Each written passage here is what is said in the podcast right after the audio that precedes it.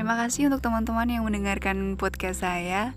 Saya sangat merasa bahagia akhirnya bisa share cerita-cerita ataupun sekedar motivasi untuk semuanya lewat podcast ini. Saya harap podcast ini bisa bermanfaat dan juga memberikan trigger yang positif. Dan aktivitas seperti belajar, bekerja juga dilakukan dari rumah. Ya, saya cukup menikmati pekerjaan itu dan cukup menikmati rutinitas dengan segala kondisi yang terbatas ini.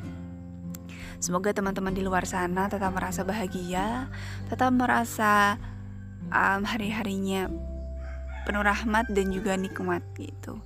Kuncinya adalah bersyukur teman-teman. Insya Allah kalau kita bersyukur kita akan ditambahkan nikmat dari Allah. Begitu kata seseorang. ya senang sekali juga uh, hari ini cukup menakjubkan saya pikir cukup membuat saya banyak bersyukur juga kayak gitu. Di tengah kondisi seperti ini Allah justru memberikan banyak tekanan sekaligus kejutan. saya merasa hidup-hidup hidup saya ini memang terberkahi kayak gitu. Saya punya orang tua yang pandai membesarkan hati saya gitu. Saya punya teman-teman yang selalu memberi, memberikan support, memberikan dukungan yang positif. Saya harap teman-teman di sana juga mempunyai orang-orang yang seperti itu ya.